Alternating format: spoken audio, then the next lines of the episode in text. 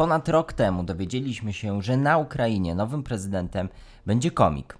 O tym, jak aktor, a teraz prezydent Zełański odnalazł się w świecie polityki i jakie przyniosło to skutki dla Ukrainy, będziemy rozmawiać w dzisiejszym podcaście Ośrodka Studiów Wschodnich. A naszymi przewodnikami po ukraińskiej polityce będą Tadeusz Iwański, kierownik zespołu Białoruś-Ukraina Mołdawia w Ośrodku Studiów Wschodnich. Dzień dobry. Oraz Sławomir Matuszak, analityk do spraw gospodarki i polityki Ukrainy. Dzień dobry Państwu. To jest podcast Ośrodka Studiów Wschodnich.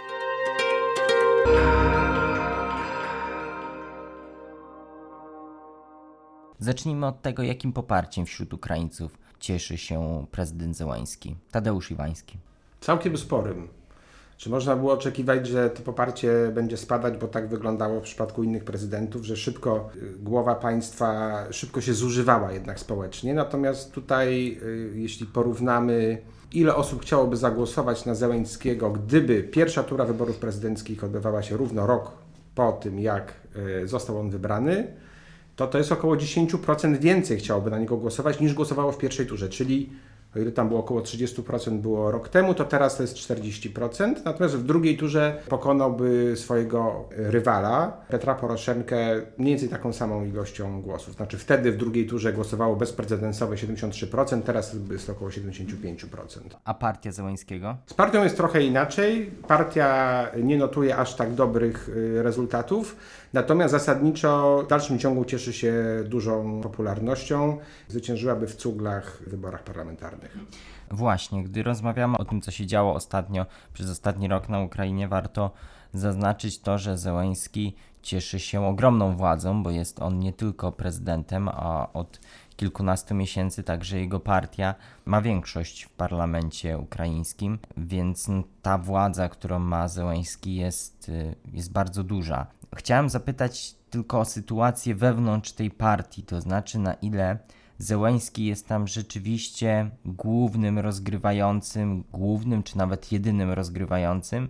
I w tym kontekście też pytanie o oligarchię i jej pozycję w tym obozie władzy, zwłaszcza, że Zełański podczas kampanii wyborczej mówił stop oligarchii i postulował ograniczenie ich wpływów. No to są dwa pytania w jednym. Zacznę od drugiego. Znaczy z, z tymi oligarchami jest tak, że o dziwo to już tak się mówi trochę jakby za analogią o tym, że każdy prezydent Ukrainy idzie do władzy po to, żeby zwalczać e, oligarchię na Ukrainie, czy tam deoligarchizować Ukrainę, ale jeżeli się przypatrzymy precyzyjnie temu, co mówił Zełenski w czasie kampanii wyborczej, tam o oligarchach było bardzo mało. O bardziej, jeżeli mogę dodać, on bardziej mówił o demonopolizacji, co jest w pewnym sensie synonimem, a natomiast nie do końca i nawet w sferze demonopolizacji, jeżeli tak nazwać się, przyjąć to pojęcie, to tak naprawdę żadnych postępów przez ten rok nie ma.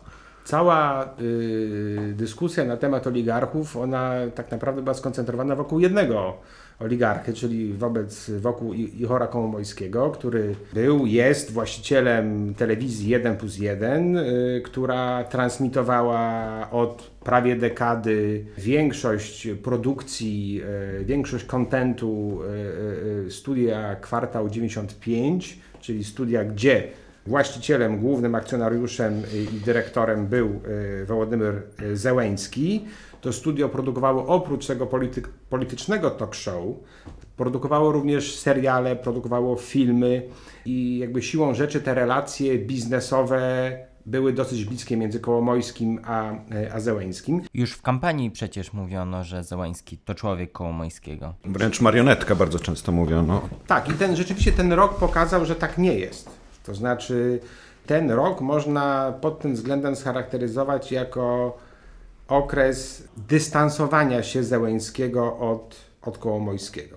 Znaczy, można założyć, że Kołomojski miał nadzieję, że jeżeli jego partner biznesowy zostanie prezydentem, to będzie mu znacznie łatwiej. I stąd jakby te wielkie apetyty y, Kołomojskiego na odzyskanie prywatbanku, czyli wielkiego, największego banku na Ukrainie, który został w 2016 roku znacjonalizowany, pod wpływem presji Międzynarodowego Funduszu Walutowego, dlatego że sam bank był kolosem na glinianych nogach. To był największy bank na Ukrainie pod względem aktywów, pod względem oddziałów, natomiast no, była strasznie duży udział tych tak zwanych złych kredytów i, i, i tak naprawdę bez jakiegoś porozumienia politycznego, znaczy ten bank nie był w stanie funkcjonować na, na, na zasadach czysto, czysto rynkowych i y, warunkiem y, Funduszu Walutowego było to, że należy go znacjonalizować. I został ten bank zabrany. Przy okazji to 5 Sławek miliardów powie trzeba było więcej. zasypać e, dziurę w banku w wysokości 5 miliardów e, dolarów, co na, to jest, og- ogólnie jest ogromną sumą, a na, na warunki ukraińskie to jest niemalże 5% PKB. To się udało, natomiast po dojściu Zeleńskiego do władzy Kołomoński poprzez e, sądy, które na Ukrainie powiedzmy delikatnie są skorumpowane, zaczął się zbliżać coraz bardziej do odzyskania zabranego banku. To było tak naprawdę już od ponad roku głównym warunkiem e, Międzynarodowego Funduszu Walutowego do kontynuacji współpracy, żeby prawnie uniemożliwić odzyskanie banku. Nie tylko to, znaczy tu jakby chodzi najbardziej o Kołomońs- Bank Kołomońskiego, natomiast na mniejszą skalę takich banków e, oligarchicznych było co najmniej kilkanaście, jeżeli nie kilkadziesiąt. Tadeusz Iwański. Reasumując, y, Kołomojski się zawiódł. Zeleński nie spełnił jego, jego, jego życzeń i jakby ten konflikt się zaostrza. Zresztą to jest bardzo świeża sprawa, bo ta ustawa specjalna na życzenie Międzynarodowego Funduszu Walutowego, mówiąca o tym, że y, zakazująca tak naprawdę zwrotu byłym właścicielom znacjonalizowanych banków, tak zwana ustawa bankowa została przyjęta w ciągu ostatnich dwóch tygodni i e, no, to prawdopodobnie będzie takim punktem, w którym ten konflikt między Zełęńskim i, i Kołomojskim będzie się zaostrzać. On może mieć, przyjąć taką zupełnie otwartą formę. Jednocześnie jakby rzeczywistość nie znosi próżni, tak? To znaczy są pewne przesłanki pozwalające sądzić, że takim oligarchą, który, e, dla którego warunki na Ukrainie robią się coraz bardziej ciepłe, jest najbogatszy obywatel Ukrainy, Rinat Achmetow. Od dekady, od dwóch dekad w zasadzie jeden z głównych zakulisowych rozgrywających ukraińskiej y, polityki. Skąd to wynika? Wynika to z pewnych drobnych, drobnych jakby decyzji administracyjnych, mówiących właśnie o tym, że szczególnie w sferze energetyki, że decyzje są podejmowane y, na jego korzyść. Sławomir Matuszak. Ja jeszcze bym jedną rzecz dodał, bo, bo to jest ciekawa różnica między Zeleńskim a Poroszenką. Bo Poroszenko sam był oligarchą, to jest jeden z najbogatszych ludzi na, na Ukrainie. I tak naprawdę w czasie jego rządów on jednak bardzo to splatał z, z własnym biznesem i bardzo dużo decyzji było, mm, przynosiło dochody jemu własnym, własnym biznesowi. Natomiast Zeleński próbuje prowadzić politykę coś tak jak drugi prezydent Ukrainy Leonid Kuczma, czyli być takim, nie wiem, no nie ojcem chrzestnym, ale osobą, która stara się trzymać równowagę między różnymi ośrodkami finansowymi ośrodkami wpływu. Przy tym jakby nie ma żadnych e, do tej pory mm, żadnych informacji medialnych, e, czegoś podobnego, aby czerpał z tego jakiekolwiek finansowe korzyści. Ale Kołomojski ma pewne wpływy w partii Zełańskiego. Tak, właśnie, jakby wracając do pierwszego pytania. Partia od samego początku była niejednorodna i jest niejednorodna i w ciągu tego roku te podziały czy tam y, sprzeczne interesy y, tylko i wyłącznie się wyostrzyły i y, z jednej strony powstała taka grupa deputowanych, która właśnie jest w jakiś sposób mniejszy lub większy jest związana z Ichorem Kołomońskim, który za pomocą tej grupy próbuje szantażować Zeleńskiego, by ten prowadził politykę, która będzie korzystna dla, dla, dla, dla, dla No bo bez tej grupy nie ma większości po prostu sługa narodu. I to jest grupa kluczowa, bo to jest grupa tam 30-40 yy, yy, posłów, no bez której Sługa Narodu, która ma formalnie 253 czy 254 deputowanych, czyli 30 ponad minimalną większość głosów, de facto nie ma tej mono większości, jak to się na Ukrainie nazywa, dlatego właśnie, że jest ta grupa związana z Kołomojskim, która bardzo często w tych kluczowych ustawach, no w ustawie bankowej jakby to, to jasne, że głosowała przeciwko i, i wprowadziła 16 tysięcy poprawek po to, żeby dokonać obstrukcji procesu legislacyjnego, ale też w poprzedniej bardzo ważnej dla ekipy Zeleńskiego y, ustawie o y, znoszącej moratorium na obrót gruntami ornymi jakby też przyczyniła się do tego, że ten proces y, odbywał się bardzo wolno. Ale realne jest wyjście tej grupy z partii Jeżeli ta grupa wyjdzie z partii Zełańskiego, to de facto jakby straci właśnie tą możliwość wpływania, wpływania na politykę, więc, więc, więc raczej nie. Zełęński wczoraj na konferencji prasowej wielkiej, rocznicowej mówił o tym, że jak na razie jest zadowolony z, z tego, w jaki sposób działa Partia Sługa Narodu, jak działa frakcja, jak głosuje i jak na razie nie widzi potrzeby organizowania przedterminowych wyborów parlamentarnych. A może są jakieś inne grupy w parlamencie ukraińskim, którymi Zełański mógłby zastąpić tą frakcję Tak, on szuka takich doraźnych sojuszy i w przypadku na przykład ustawy bankowej otrzymał poparcie z innych frakcji opozycyjnych, tam frakcji Głos Światosława Wakarczuka i też otrzymał poparcie od partii Poroszenki, co może być dziwne. I tak naprawdę tych wszystkich kontrowersyjnych ustawach, może nie we wszystkich, bo nie zawsze to się udaje, jednak e, w tych najważniejszych jakoś udawało się nieformalnie uzyskać większość bez, bez tej grupy kołomojskiego, ale to oznacza po pierwsze czas, bo trzeba znaleźć tych wszystkich posłów, często to są indywidualni, targować się, jakoś umawiać i to powoduje, że to, co jak działał parlament, Rada Najwyższa w pierwszych miesiącach e, jesieni, co pracował wtedy tak nazwanym turboreżimie, że przyjmowano ustawy po prostu jak no, w błyskawicznym tempie, no to w tej chwili ten mechanizm już nie działa i to powoduje, że tak naprawdę całe te tempo reform i tak dalej znacznie zwolniło. Jak już jesteśmy przy scenie partyjnej, opozycja, czy są tam jakieś ruchy konsolidacyjne, czy są jakieś siły, które mogą realnie zagrozić partii Zeleńskiego, Sługa Narodu jemu osobiście? Nie, nie. Znaczy, tak naprawdę opozycja słabnie, w tym sensie, że, że ta, ta partia, która na, na początku się wydawało, że jest taką powiedzmy sobie, bardziej prozachodnią alternatywą dla partii Sługa Narodu, czyli Światosław Wakarczuk, lider OKN Welzy, Y, partia Głos, która też podobnie jak partia Załęckiego została skonstruowana bardzo szybko tuż przed wyborami. Jakby kompletnie jakby mam wrażenie, że straciła orientację o co chodzi w ukraińskiej polityce. Z jednej strony starają się pozycjonować jako taka konstruktywna opozycja, która będzie głosować za tymi ustawami, które są potrzebne. De facto postępują w sposób bardzo polityczny znaczy w logice walki politycznej, a nie w logice tego, co jest dobre dla państwa, a co nie. Szukają często dziury w całym, zachowują się jak eksperci, nie jak politycy. No jakby to też widać to w sondażach, że ta partia, która miała 7%, miała około 10%, jak została stworzona. Później udało jej się dostać do parlamentu, zdobywając tam 5,5 chyba procent. Tak, niewiele ponad progiem. Tak teraz mam wrażenie, że w ogóle się zatraciła i jest, jej poparcie jest na poziomie...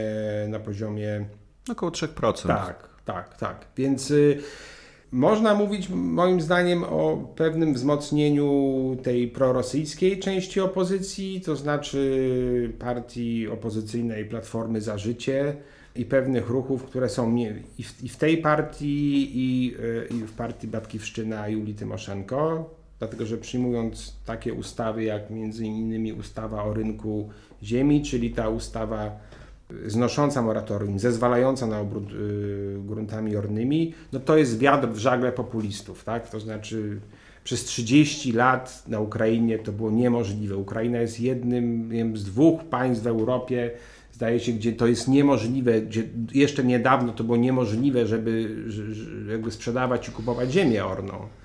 To jest wiatr w żagle dla partii populistycznych, jaką jest partia Julii Tymoszenko. I też właśnie między innymi przez różnego rodzaju tam powiązania oligarchiczne myślę, że można dostrzec pewną zbieżność głosowań pomiędzy właśnie tą prorosyjską sensu stricte opozycją, a Julią Tymoszenko, która jest partią, która jakby ma poglądy populistyczne, a jeśli chodzi o jakąś ideologię, czy jest prozachodnia, czy prorosyjska, to to zawsze było uzależnione od aktualnych interesów, sojuszy z, aktualnym, z aktualnych sojuszy z oligarchami, także to, to, jakby to jest bezideologiczna partia. Sławomir Matuszak. No jest jeszcze jest to, że według Różycena druga, trzecia, czyli partia Poroszenki, która tak naprawdę kontynuuje hasła jeszcze z kampanii wyborczej i prezydenckiej i, i parlamentarnej, czyli takie oparte na takim nie, nacjonalizmie powiedzmy w wersji miękkiej, czyli e, ciągle to hasło mowa, czyli języka, wiary, czyli e, autokefalii i, i, i armii I to tak naprawdę powoduje, że mm, i poparcie mm, rośnie głównie właśnie kosztem głosu, który jest mało wyrazisty. I Poroszenko w tej chwili, o ile w wyborach on otrzymał nieco tam ponad 8%, no to w tej chwili sondaże mu dają około 15%, czyli jakby mi się też wydaje, że to jest jakby, to nie jest alternatywa wobec sługi narodu, tylko to jest mniej więcej szklany sufit, jakby maksimum to, co on może uzyskać, bo taki mniej więcej jest elektorat, który na Ukrainie, głównie na zachodniej części Ukrainy, na której oddziałują takie hasła. Ale z trzeciej strony na razie to jeszcze nie jest takie bardzo widoczne, ale wydaje mi się, że, że zaczyna się robić nieco próżnia ludzi, którzy znowu chcieliby czegoś nowego. Nie starych polityków, nie sługi narodu, albo może nowej wersji sługi narodu, bo jednak bardzo dużo tych deputowanych po prostu jest z łapanki, jakby no, no, delikatnie mówiąc nie sprawdza się, nie, nie trzyma poziomu. I to powoduje, że z, i sondaże i Zeleńskiego, i sługi narodu są relatywnie wysokie. To się nie przekłada na to, że rośnie opozycji, natomiast coraz więcej ludzi jest znowuż niezdecydowanych. Czyli jeżeli ten proces będzie narastać, to znowu będzie pole do stworzenia jakiegoś nowego projektu, tylko to by musiał być znowu projekt nowy, czyli to nie, nie, nie może być stary polityk, tylko osoba, coś jak Zeleński, czyli bardzo rozpoznawalna, ale z drugiej strony jakby jeszcze nie uwikłana w politykę. Tadeusz Iwański.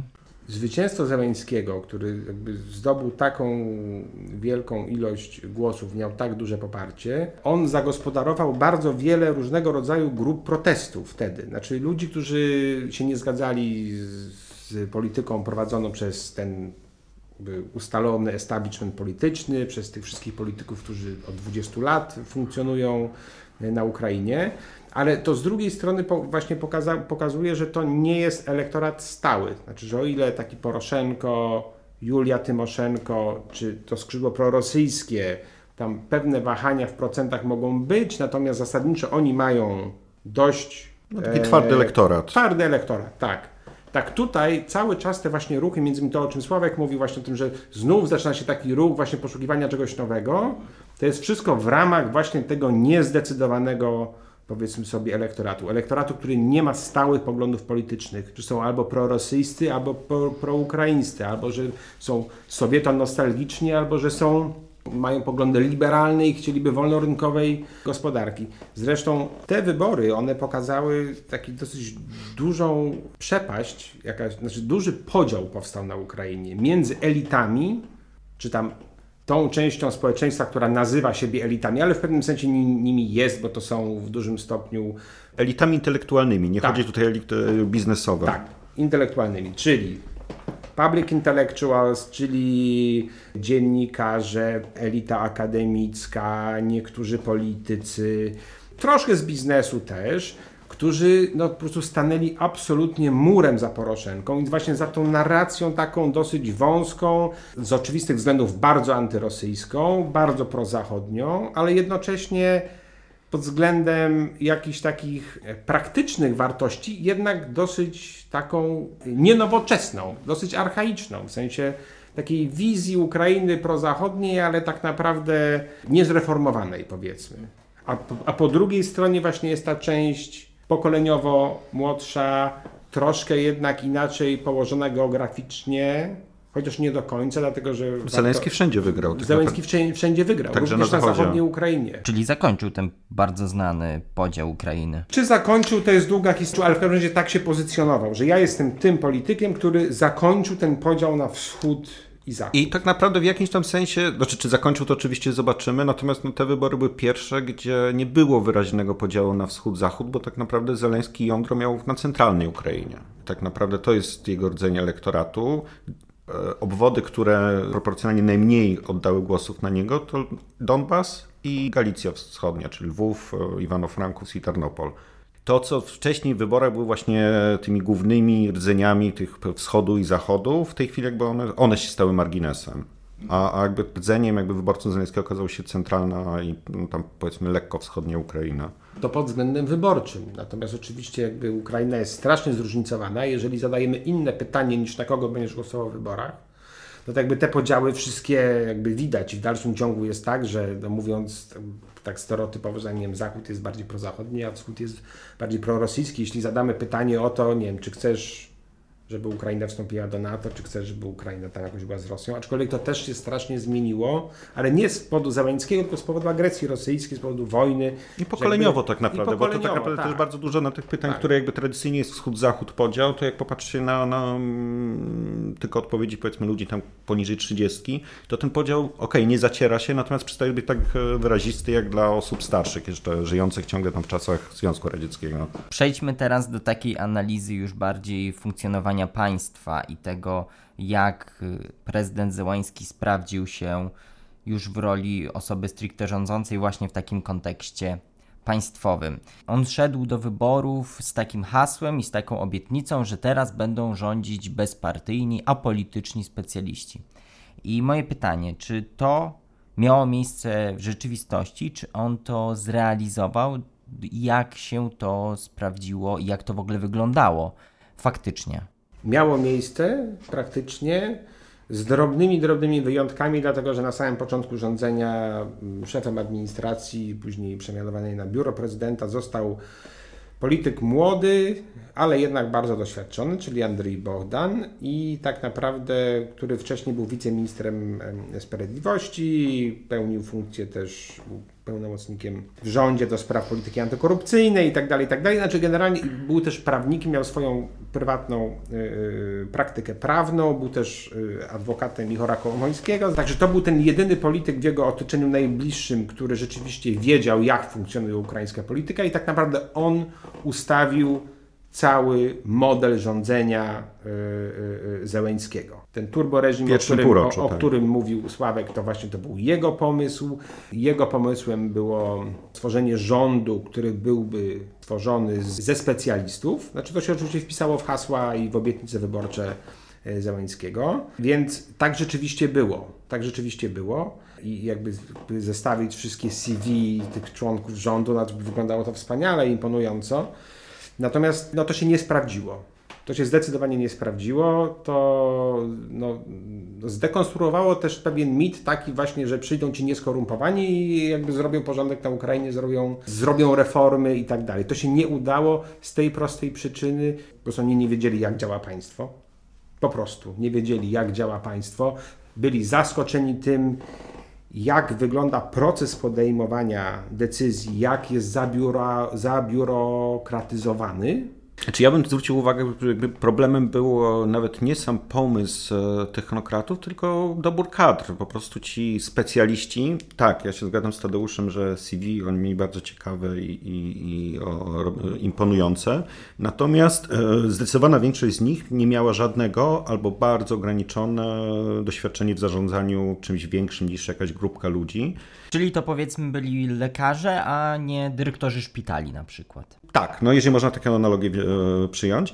I co bardzo szybko się zemściło tym, że mm, oni nie byli w stanie zarządzać czymś tak skomplikowanym jak duże ministerstwo, gdzie z drugiej strony e, w takim ministerstwie jest wiele osób o, opłacanych przez oligarchów. Urzędnik niższego szczebla jest w stanie sabotować bez wiedzy ministra dowolną decyzję i bardzo szybko się okazało, że oni po prostu nie są w stanie na tym zapanować.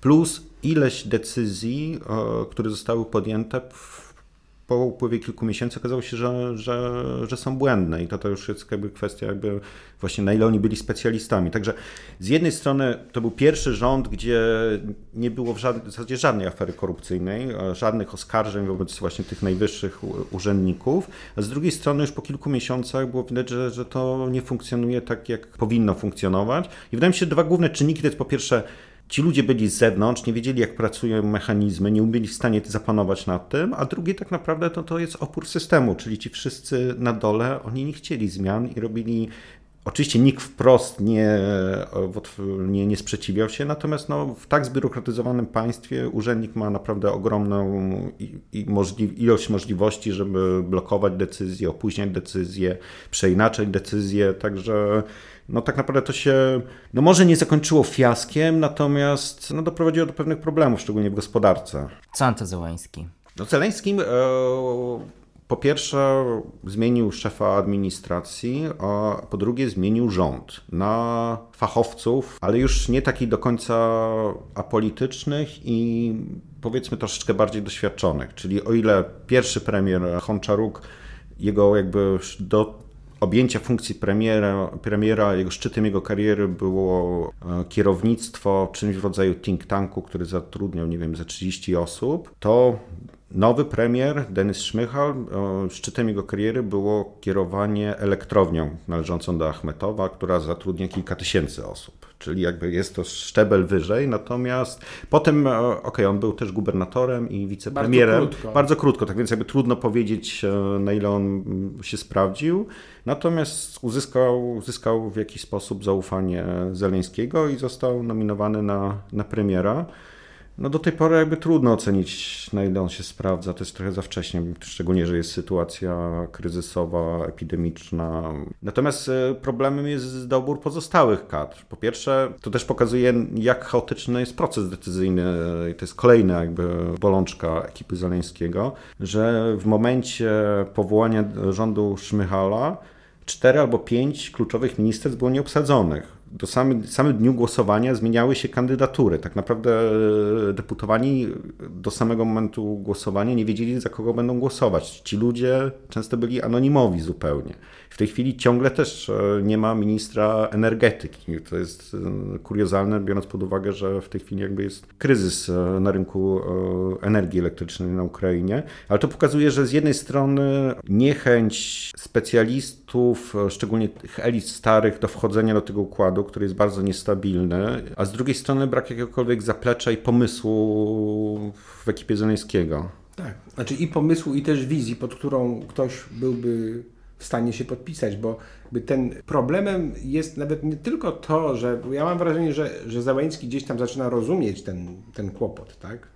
I zresztą na tej konferencji prasowej, tej jubileuszowej, jakby też jakby to powiedział. Znaczy, że dajcie mi kogoś od, od, od, od, energetyki, kto by nie pracował wcześniej w przedsiębiorstwach, które należą do tego oligarchy, tego oligarchy czy innego oligarchy. Ale jakby, ja rozumiem, że sam, że problemem jest też sam sposób, ten model sprawowania władzy, o czym mówiliśmy wcześniej. Znaczy to, że jeżeli wszystkie decyzje są podejmowane przez prezydenta Załęckiego i jego dwóch najbliższych współpracowników, czyli szefa administracji prezydenta, szefa biura prezydenta Andrija Jermaka i pierwszego pomocnika y, prezydenta Zeleńskiego, Serhija Szefira, jego długoletniego przyjaciela i wspólnika jeszcze z czasów działalności w show biznesie.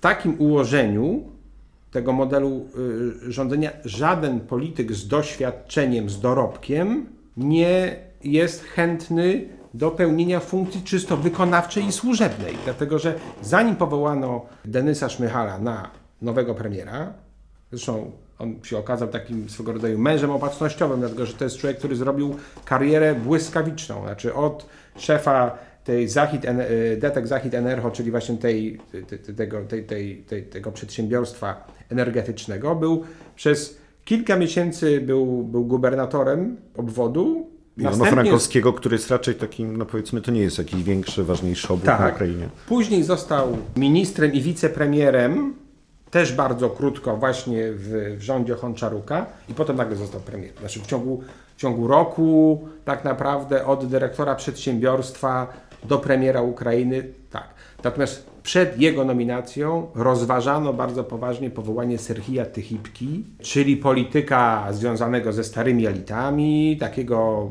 oligarchy średniego szczebla, już dwukrotnie czy trzykrotnie wicepremiera, szefa Banku Narodowego, no, ministra, który, ministra, znaczy polityka, który ma rzeczywiście duże doświadczenie. I cały bagaż z lat 90. I cały bagaż z lat 90., ale zasadniczo najprawdopodobniej główną przyczyną tego, dla której on nie wziął tej funkcji, był właśnie ten, to ustawienie modelu rządzenia na Ukrainie, że on nie wziął, dlatego że no, z takim dorobkiem, z własnym biznesem, liczonym tam w setki milionów dolarów, no on nie, nie chciał po prostu, to już nie jest ten etap, kiedy on może być kimś, kto będzie spełniał tylko i wyłącznie y, decyzję, decyzję prezydenta. Dobrze, przejdźmy do kwestii omawiania poszczególnych reform. Zacznijmy od spraw ustrojowych. Tam były trzy główne obietnice Zełańskiego, to znaczy kwestia impeachmentu prezydenta, immunitetu dla parlamentarzystów i reforma prawa wyborczego. Jak Zełański wywiązał się z tych obietnic? no wywiązał się z tego zasadniczo. Znaczy został przyjęty kodeks wyborczy z pewnymi tam zmianami. To nie jest do końca to, co, czego domagało się tak zwane społeczeństwo obywatelskie, czego domagał się Zachód, ale zasadniczo jest to znacznie nowocześniejsza ordynacja wyborcza i znacznie bardziej demokratyczna. Znaczy, ta zmiana wyglądała w ten sposób, że, że, że wcześniej na Ukrainie tych 450 deputowanych było wybieranych połowa z listy ogólnokrajowej, połowa z okręgów jednomandatowych. Jakby jest to rozwiązanie, które działa w wielu krajach na świecie i nie ma w nim nic złego, ale w warunkach ukraińskich to jednak było znaczy, mocno W warunkach ukraińskich problem polegał na tym, że po pierwsze wybory większościowe powodowały, że w większości okręgów jednomandatowych wygrywali lokalni kacykowie, tym bardziej, że tam one były nie w dwóch, w dwóch turach, tylko kto, kto dostał naj, najwięcej głosów, to mogło być czasami, bo czasami też się zdarza, że kilkanaście e, procent e, głosów wystarczyło, żeby wejść do parlamentu.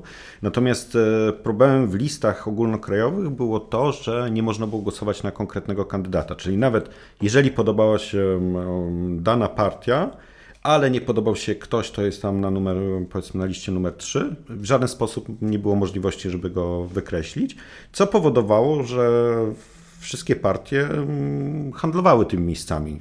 Mniej więcej z sondaży można było określić, które miejsca są tak zwane biorące i oczywiście na Pierwsza dziesiątka no to były jakieś tam znane osoby, natomiast już cała reszta to coraz więcej było jakichś biznesmenów, ktoś, kto był gotowy zapłacić, żeby trafić do parlamentu. W tej chwili, przynajmniej teoretycznie, w nowych wyborach będzie to, może być wyeliminowane, bo się będzie głosować jednak na osoby. Ale w dalszym ciągu na poziomie, w dalszym ciągu kilka tych miejsc na liście, na, na liście partyjnej jest jakby zablokowanych. Zdaje się dziewięć na każdej liście i dopiero jakby później. Zablokowanych to znaczy? Zablokowanych w tym sensie, że jakby jest wchodzących, biorących, że niezależnie jakby wchodzą z listy pierwszych, pierwszych dziewięć nazwisk, niezależnie od tego, ile głosów osobiście oni dostali. Natomiast no jest, to, jest to jednak duży krok, krok naprzód. I to jest ordynacja proporcjonalna? Z, otwar- z częściowo otwartymi listami wyborczymi. listami wyborczymi. Co do impeachmentu i co do zdjęcia immunitetu y, z parlamentarzystów. Od wielu lat to były postulaty jakby społeczeństwa obywatelskiego, czy w ogóle jakby ludzie byli bardzo wrażliwi na to właśnie, żeby ta, na tej desakralizacji władzy i właśnie, żeby y, władza się dokleiła do narodu, a nie odklejała coraz bardziej i jakby tej, spłaszczenia jakiejś takiej struktury. I Zełenski to obiecał i to zrobił. I tutaj jakby jest dyskusja, tak, że okej, okay, Została, zostały przegłosowane zmiany do konstytucji dotyczące impeachmentu prezydenta, ale są głosy krytyczne mówiące o tym, że to jest strasznie trudne. Znaczy, że okej, okay, to zostało zrobione, ale de facto jest to strasznie trudne do wykonania. Na co pojawiają się jeszcze inne głosy, które nie bezzasadnie zwracają uwagę na to, no ale już to nie może być łatwe, tak? Znaczy, jeżeli łatwo będzie odwołać prezydenta, no to, znaczy, no to jakby stabilność tego systemu będzie. Także to jest kwestia oczywiście znalezienia jakiegoś złotego środka. Niemniej warto to zapisać na, na, po stronie plusów prezydentowi. To, to, to w przypadku impeachmentu prezydenta. W przypadku zdjęcia immunitetu, no tutaj też są oczywiście duże dyskusje, jak to może być zrobione. Tu jakby jest wzmocnienie funkcji prokuratora, prokuratora generalnego, który on, tylko on, tylko prokurator generalny może wnieść takie podanie o areszt deputowanego, także to też nie jest jakby automatyczne, to też nie jest, nie jest bardzo proste, niemniej jest to trudno wykonalne, niemniej jest taka, taka możliwość, więc... Jeszcze bym dodał, bo to jest jednak e, zniesienie immunitetu jest jednak troszeczkę kontrowersyjne. W tej chwili może w obecnym e, etapie politycznym na Ukrainie nie, no bo nie ma prześladowań politycznych, jakby jest, jest wolność i tak dalej. Natomiast w czasach prezydentury Janukowycza to, że deputowani opozycyjni mieli immunitet, to tak naprawdę dzięki temu byli w stanie funkcjonować i dzięki temu sam początek Majdanu, wyciąganie ludzi z więzień e, dzięki immunitetowi, to był jakby bardzo ważny czynnik. Zniesienie tego całkowite, tak jakby też były takie głosy, to powodowałoby dosyć łatwe tak naprawdę wprowadzenie jakichś tam prześladowań politycznych. Więc jakby to jest jakby z jednej strony oczywiście to jest pewnie na plus, natomiast przyszłości to jeszcze może się zemścić. Zgoda, oczywiście, aczkolwiek właśnie są te różnego rodzaju bezpieczniki, które, znaczy to w tej chwili to nie jest na Ukrainie w ten sposób, że, że jakby te, ten immunitet jest zdjęty i w każdej chwili może przyjść, nie wiem, policjant, czy też inny, inny śledczy albo prokurator po prostu zaaresztować i, i, i wsadzić deputowanego do aresztu. Nie, on nie ma żadnej ochrony. To jest jednak obarczone, opakowane w różnego rodzaju bezpieczniki proceduralne. To też nie jest tak, tak bardzo łatwo zrobić. Z takich kwestii ustrojowych, co prawda nie, nieprawnych jak najbardziej, Zełęński obiecywał, że to będzie jego jedyna kadencja. On się dalej tego trzyma? Nie. Na rzeczonej już wspominanej konferencji prasowej jubileuszowej, no właśnie pierwszy raz powiedział, że nie wykluczył, że, że nie będzie startował ponownie, no bo tyle pracy jest, że jednej kadencji może, może nie wystarczyć. No ja mam wrażenie, że od początku jakby ta zapowiedź była raczej taka pod publiczkę i raczej na, na potrzeby kampanii wyborczej, że oto ja tutaj właśnie z tymi nieskompromitowanymi nowymi ludźmi, ekspertami przychodzę, żeby po prostu pozamiatać, posprzątać ten kraj, a potem jakby oddać go dalej profesjonalistom, a ja, ja kim ja jestem? Ja jestem recenzentem, jestem człowiekiem show biznesu i chcę wrócić do, do swojego, do swojego. No, władza, władza jest, władza ukańsza powiedzmy, no to nie jest tak, że tak łatwo z niej zrezygnować. Jest.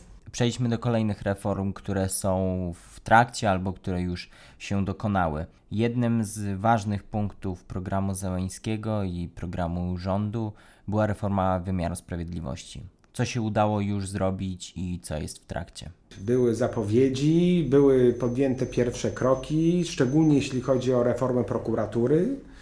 I pierwszym prokuratorem generalnym został Rusłan Raboszapka, człowiek szanowany, mający bardzo dobre notowania zarówno wśród ekspertów, jak i wśród zachodnich i watchdogów, i zachodnich donorów, jakby państw zachodnich, jakby człowiek skoncentrowano na reformach i rzeczywiście zostały przyjęte odpowiednie ustawy. Została zreorganizowana prokuratura generalna, y, częściowo dokonano weryfikacji kadrowej, mniej więcej około połowy prokuratorów. Połowa prokuratorów przeszła tą weryfikację, rozpoczęto y, nabór kadr, powołano komisje konkursowe, ale prezydent Załęski ma tą cechę, że żąda bardzo wiele, bardzo wielu rzeczy bardzo szybko. I to między innymi właśnie to jest ten, y, to wynika z tego, że nie ma tego doświadczenia politycznego, tak?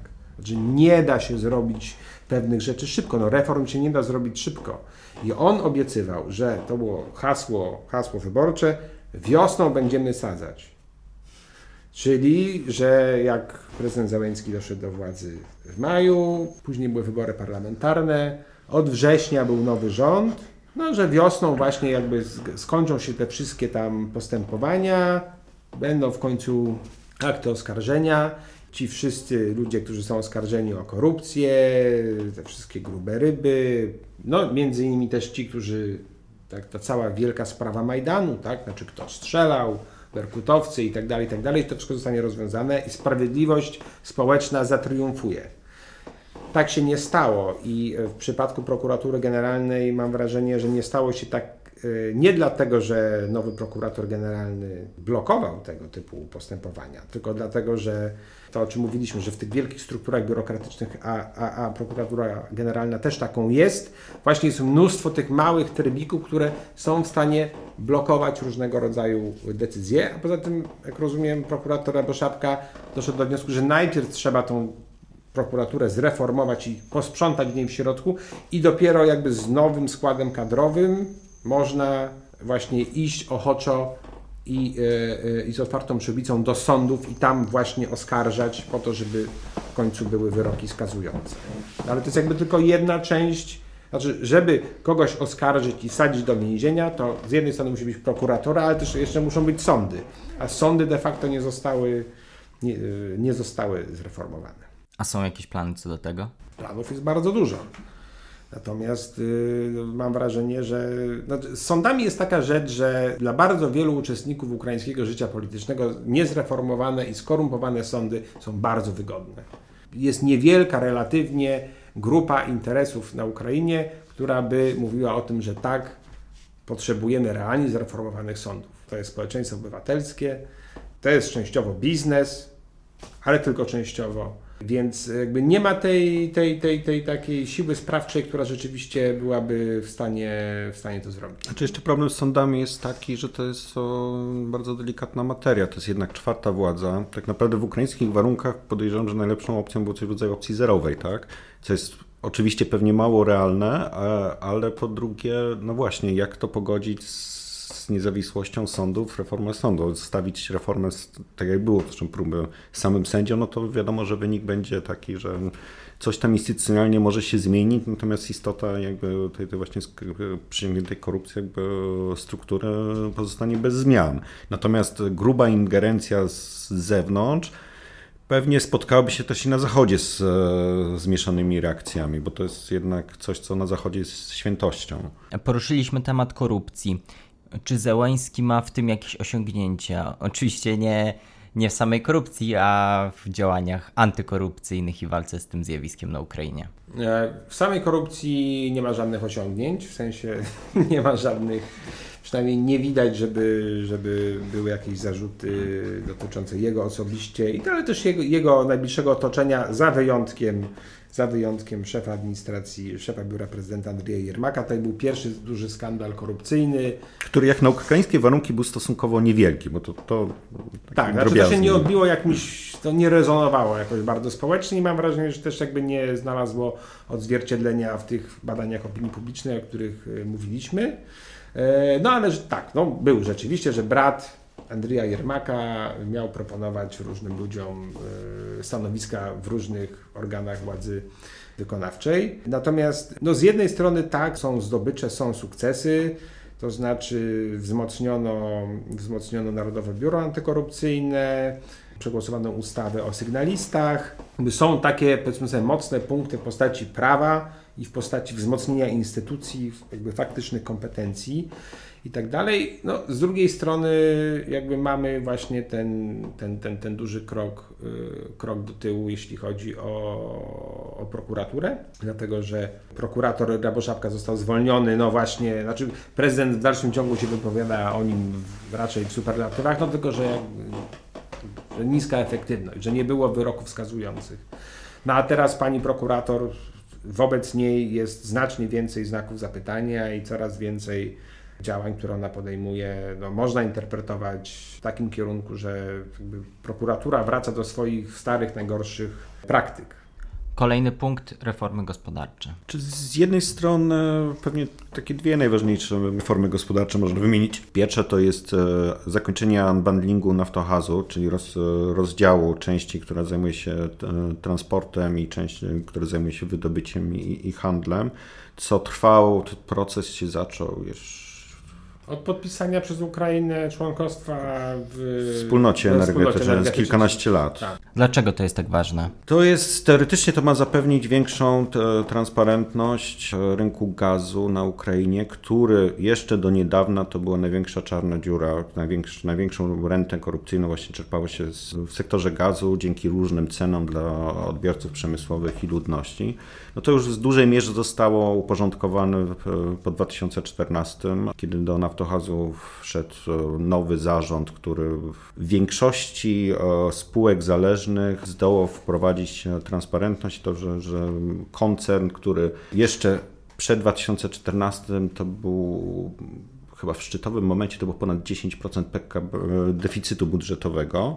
Spowodował w ciągu kilku lat zrobił się kurą znoszącą złote jajka i tak naprawdę wpływy budżetowe, kilkanaście procent wpływów budżetowych to są podatki płacone przez Naftogaz. Drugą taką bardzo ważną kwestią, co tu już Tadeusz wspominał, czyli było wprowadzenie, e, zniesienie moratorium na handel e, gruntami rolnymi. To się dopiero stało niedawno.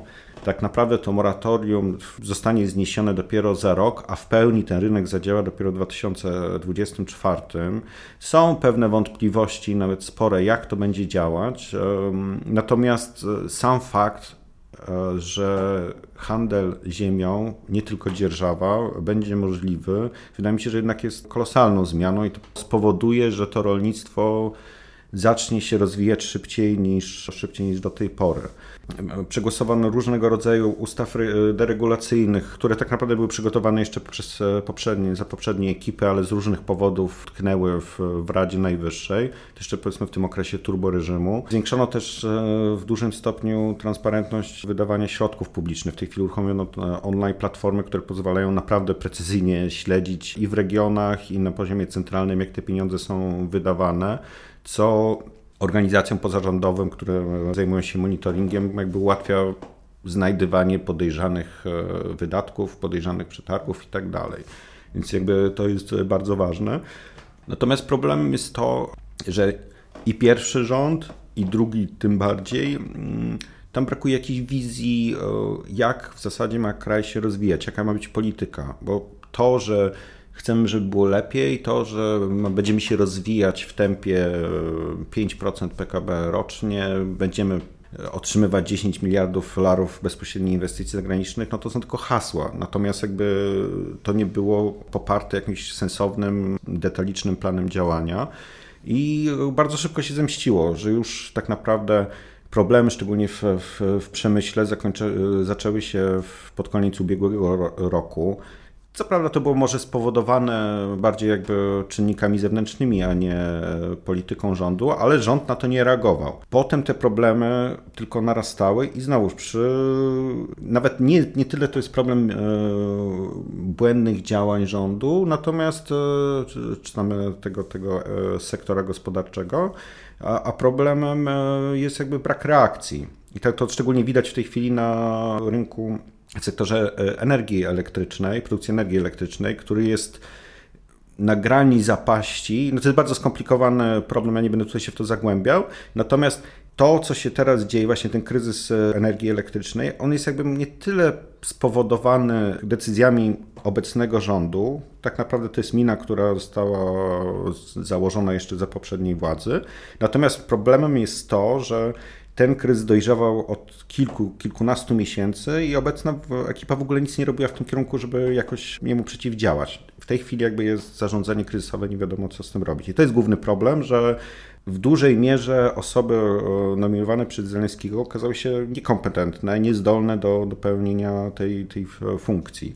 No a od tak naprawdę od, od marca, no to już nie mówimy o reformach gospodarczych, mówimy tylko o zarządzaniu kryzysem i już e, tak naprawdę Ukraina już miała problem w pierwszym kwartale e, tego roku. E, statystyka pokazuje, że PKB spadł o 1,5% jeszcze przed lockdownem. Natomiast no teraz, no teraz to nie wiadomo, nie wiadomo będą, jak głębokie będzie załamanie, no ale będzie na pewno bardzo duże, bo, bo lockdown jest ciągle kontynuowany i on był pod wieloma względami bardziej restrykcyjny niż w Polsce. Jednym z najważniejszych postulatów i tym, o czym mówił prezydent Zełański, jeszcze wtedy kandydat, to kwestia zakończenia wojny w Donbasie. Jak wygląda bilans działań prezydenta w tej kwestii?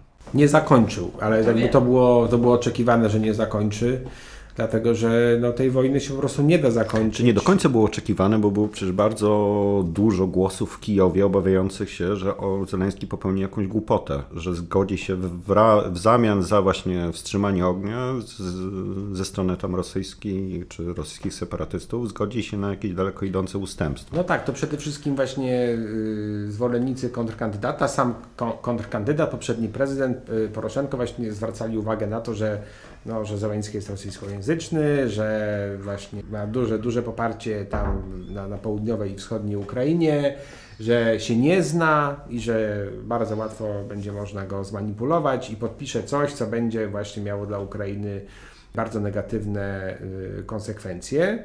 Tak się nie stało. Znaczy, Załęcki absolutnie nie jest marionetką, tak jak nie jest marionetką Kołomojskiego, tak samo nie jest marionetką Rosji. Nie zakończył tej wojny, bo też i nie mógł jej zakończyć, dlatego że no przede wszystkim to jakby piłka jest po stronie rosyjskiej.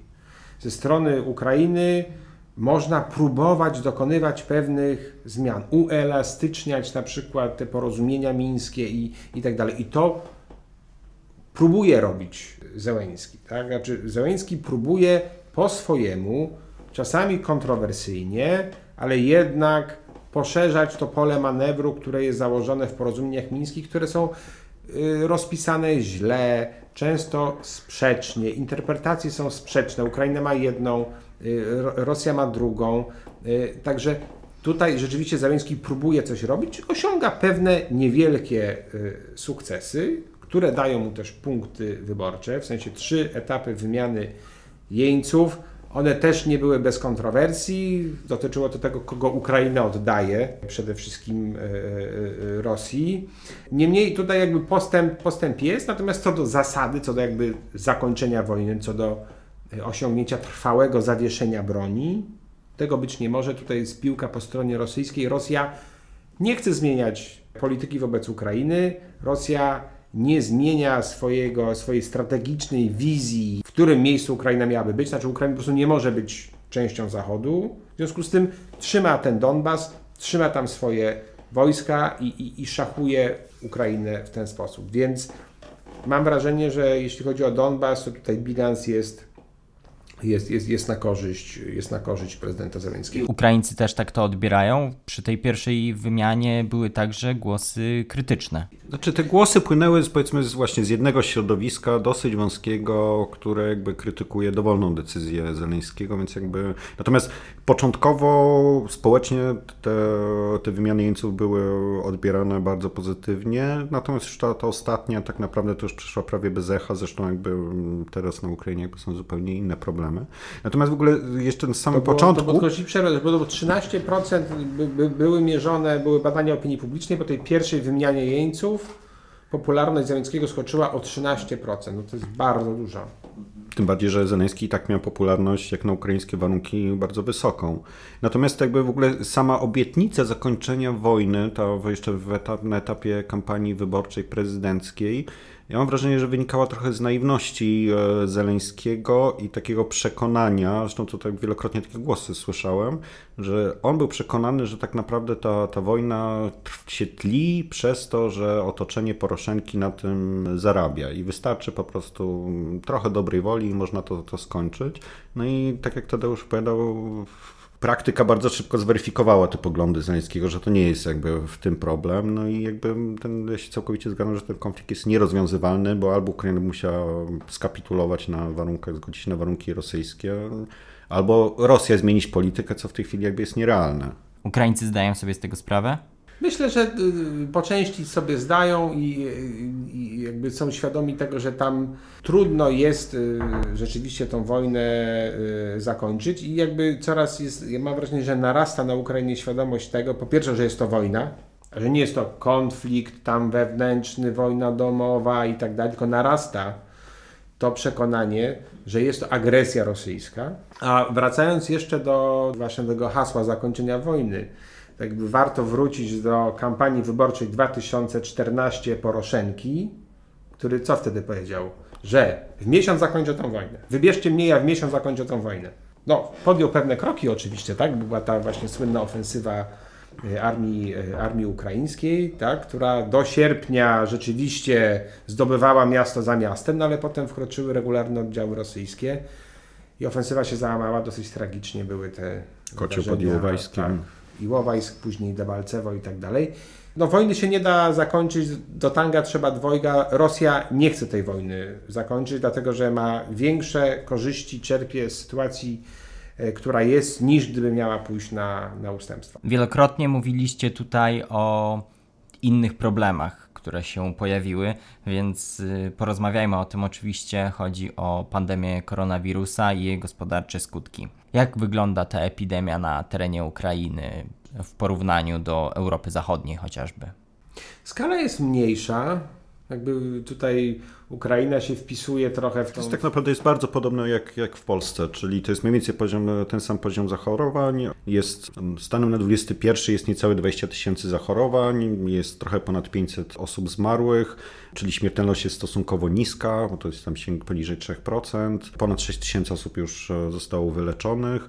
Jakby porównując do, do, do krajów regionu Europy Środkowo-Wschodniej, to Ukraina mniej więcej wpisuje się w ten model. Nie jest to skala taka jak na zachodzie, zachodzie i nie jest to skala tak jak na Białorusi czy, czy, Czy w w Rosji. Rosji przede wszystkim. Oczywiście są bardzo duże różnice regionalne jakby na samej Ukrainie, bo, bo tak naprawdę takim epicentrum są jakby dwa. Jedno to jest obwód czerniowiecki, tam gdzie w ogóle się wszystko to zaczęło, pierwsza, pierwsza choroba i tam porównując jakby do liczby ludności, to ten rzeczywiście ten e, poziom epidemii jest dosyć wysoki. Natomiast na całej reszcie Ukrainy jest ciągle dosyć niski i to wynika prawdopodobnie z tego, że wprowadzono bardzo ostry lockdown na bardzo wczesnym etapie. To mniej więcej jest tak naprawdę Ukraińcy powtarzali te kroki, które. Bardzo podobnie tak jak w Polsce. A często dużo ostrzej, bo na tak. przykład do tej pory na Ukrainie jest, e, nie ma e, komunikacji miejskiej, metro Tak. nie działają, metro nie działają w, w dużych miastach, nie ma komunikacji też międzymiejskiej.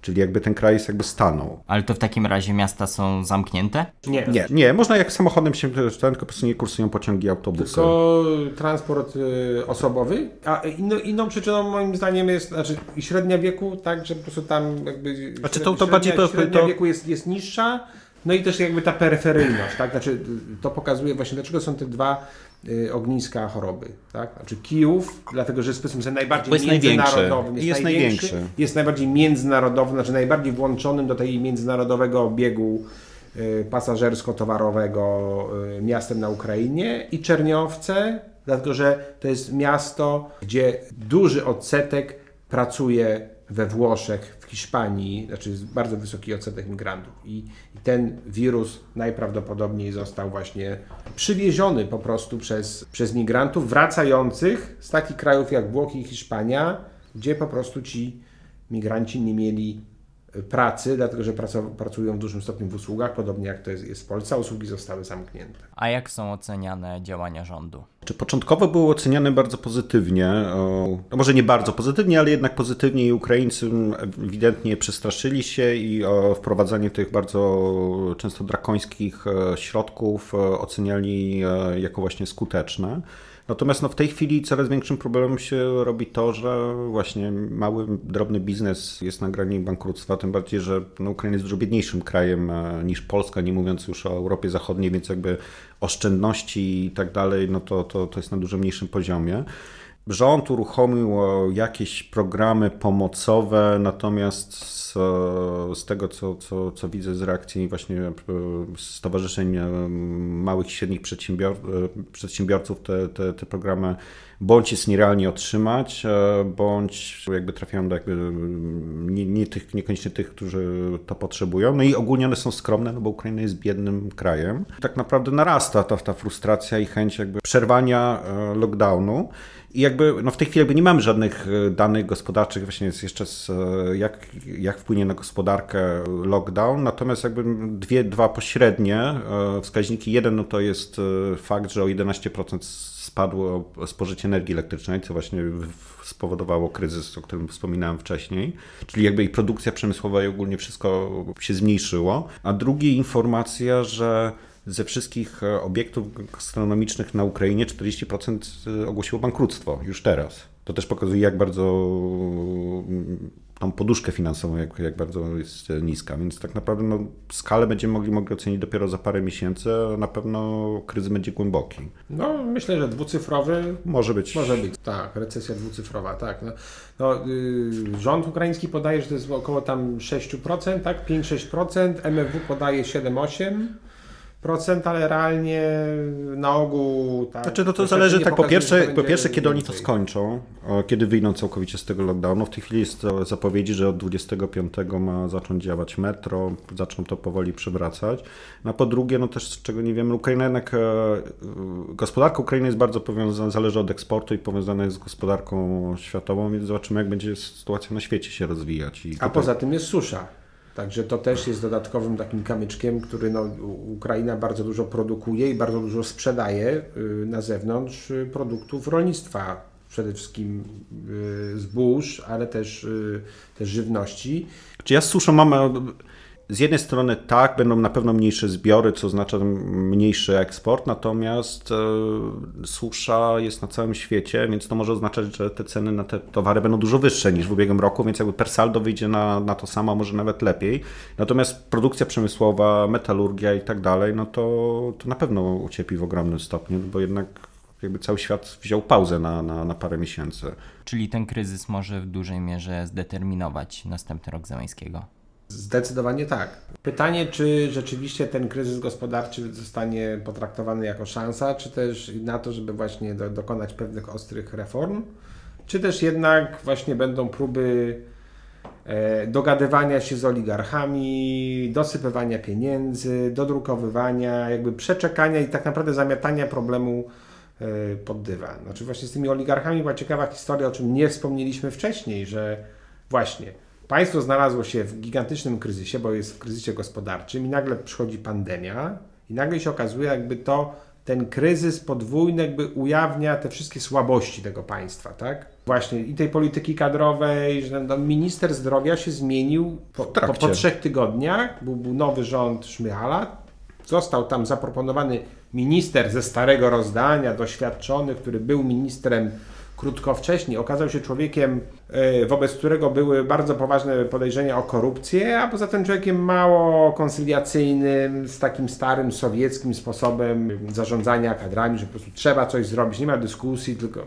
to pokazało, słabość tego państwa. I jaka była reakcja władzy? Reakcja władzy była taka, że jesteśmy w kryzysie, więc wszystkie ręce na pokład. I prezydent Załęski zaprosił wszystkich liczących się oligarchów i biznesmenów do siebie, do administracji prezydenta i powiedział: No, słuchajcie, trzeba robić zrzutkę przede wszystkim, bo właśnie reformowana za zachodnie pieniądze, zgodnie ze zachodnimi standardami, E, instytucja, takie państwowe przedsiębiorstwo, które miało być odpowiedzialne za e, zakupy leków na rynku zagranicznym. Wcześniej przez 5 lat to była taka gigantyczna dziura korupcyjna, że wcześniej przez 5 lat po rewolucji godności zakupami centralnymi, centralizowanymi zakupami leków zajmowały się podmioty zagraniczne, donorzy. Nikt nie dawał Ukrainie tak gigantycznych potoków finansowych do tego, żeby kupować leki, dlatego że po prostu ryzyka korupcyjne były gigantyczne. I teraz jakby po tych iluś lat reform powstała ta instytucja, która miała właśnie zajmować się kupnem leków. Jak przed nowy minister, to najpierw zażądał wpływu na, polity, na politykę e, zakupów leków, zażądał wstawienia swojego zastępcy tam, do tej instytucji, a, a co spowodowało jakby paraliż tej, tej, też tej instytucji. Znaczy chyba do tej pory, albo może to się stało w ciągu ostatnich dwóch tygodni, ale to się nie stało w ciągu trzech miesięcy od początku pandemii na Ukrainie, że Ukraina nie kupiła, nie dokonała żadnego scentralizowanego zakupu leków. Dlatego, że po prostu te, te struktury biurokratyczne są tak sparaliżowane. W związku z tym prezydent zaprosił oligarchów powiedział, no to teraz zróbcie zrzutkę po pierwsze na leki, a po drugie weźcie pod swoją kontrolę pod swoją odpowiedzialność, niektóre podzielił państwo pomiędzy oligarchów, żeby wzięli je pod swoją kontrolę i jakby pomagali w regionalnych tam y, sztabach zarządzania kryzysowego, pomocy lokalnej służbie zdrowia i tak dalej. Znaczy, I co oni na to? No, wzięli to oczywiście. Znaczy, po pierwsze już był precedens tego, tylko że no, w czasie wojny, tak? Znaczy, w 2014 roku władze Ukrainy też zaproponowały oligarchom, żeby się, y, y, żeby wzięły pod swoją kontrolę, zaopiekowały się obwodami, tak? Tylko wtedy, wtedy powiedzmy troszkę to było troszkę inaczej w tym sensie, że to było przynajmniej sformalizowane, bo no jednak bo, Kołomojski tak, został tak. gubernatorem, Achmetow dostał propozycję, odrzucił, został inny oligarcha gubernatorem. Ale współpracujący z, z Achmetowem, tak, z Serhii hmm. Taruta, a tutaj to było jakby zrobione zupełnie bez... Nieformalnie. Tak, zupełnie nieformalnie. I oczywiście oni to wzięli i oczywiście oni to zrobili, no ale pytanie co w zamian, tak? Znaczy no oligarchowie to nie są dobrzy wujkowie, którzy będą dorzucać setki milionów hrywien, niezależnie jak słaba jest hrywna, jakby za darmo. Znaczy w pewnym momencie przyjdzie moment, kiedy powiedzą sprawdzam i przyjdzie moment, kiedy powiedzą, no, znaczy oddaj mi te pieniądze, tak? I teraz jest pytanie, w jaki sposób to będzie wyglądać. Na ogół ukraińska praktyka jest taka, no właśnie, no, że są albo regulacje prawne, które Y, pomagają, które są korzystne dla, dla, dla biznesów danych oligarchów, albo są decyzje polityczne, które są, są, są korzystne. Więc to, to z jednej strony to, to niby wyglądało jakby dobrze, tak, że właśnie ten Zełęński, to on jest tym arbitrem, tym, który tutaj wziął oligarchów i tupnął nogą, powiedział, że 30 lat rozkradaliście państwo, to teraz jakby zrekompensujcie przynajmniej częściowo i pomóżcie, bo jest kryzys i wszyscy, wszystkie ręce na pokład.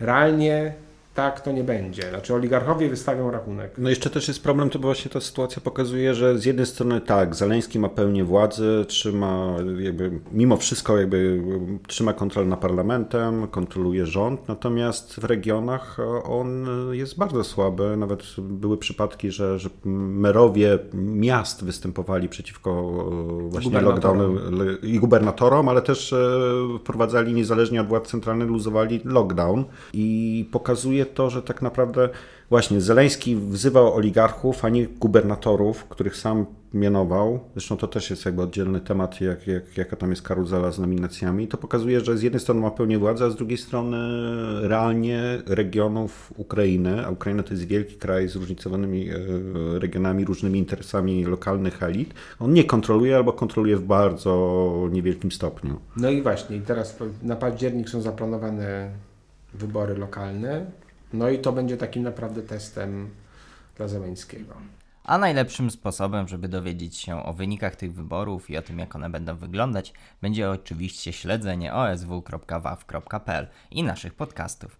Ja odsyłam Państwa do komentarza Ani cud, ani katastrofa, rok prezydentury Zeleńskiego, który jest dostępny oczywiście jak zwykle za darmo na naszej stronie internetowej. Dziękujemy też za wszystkie bardzo miłe opinie i recenzje.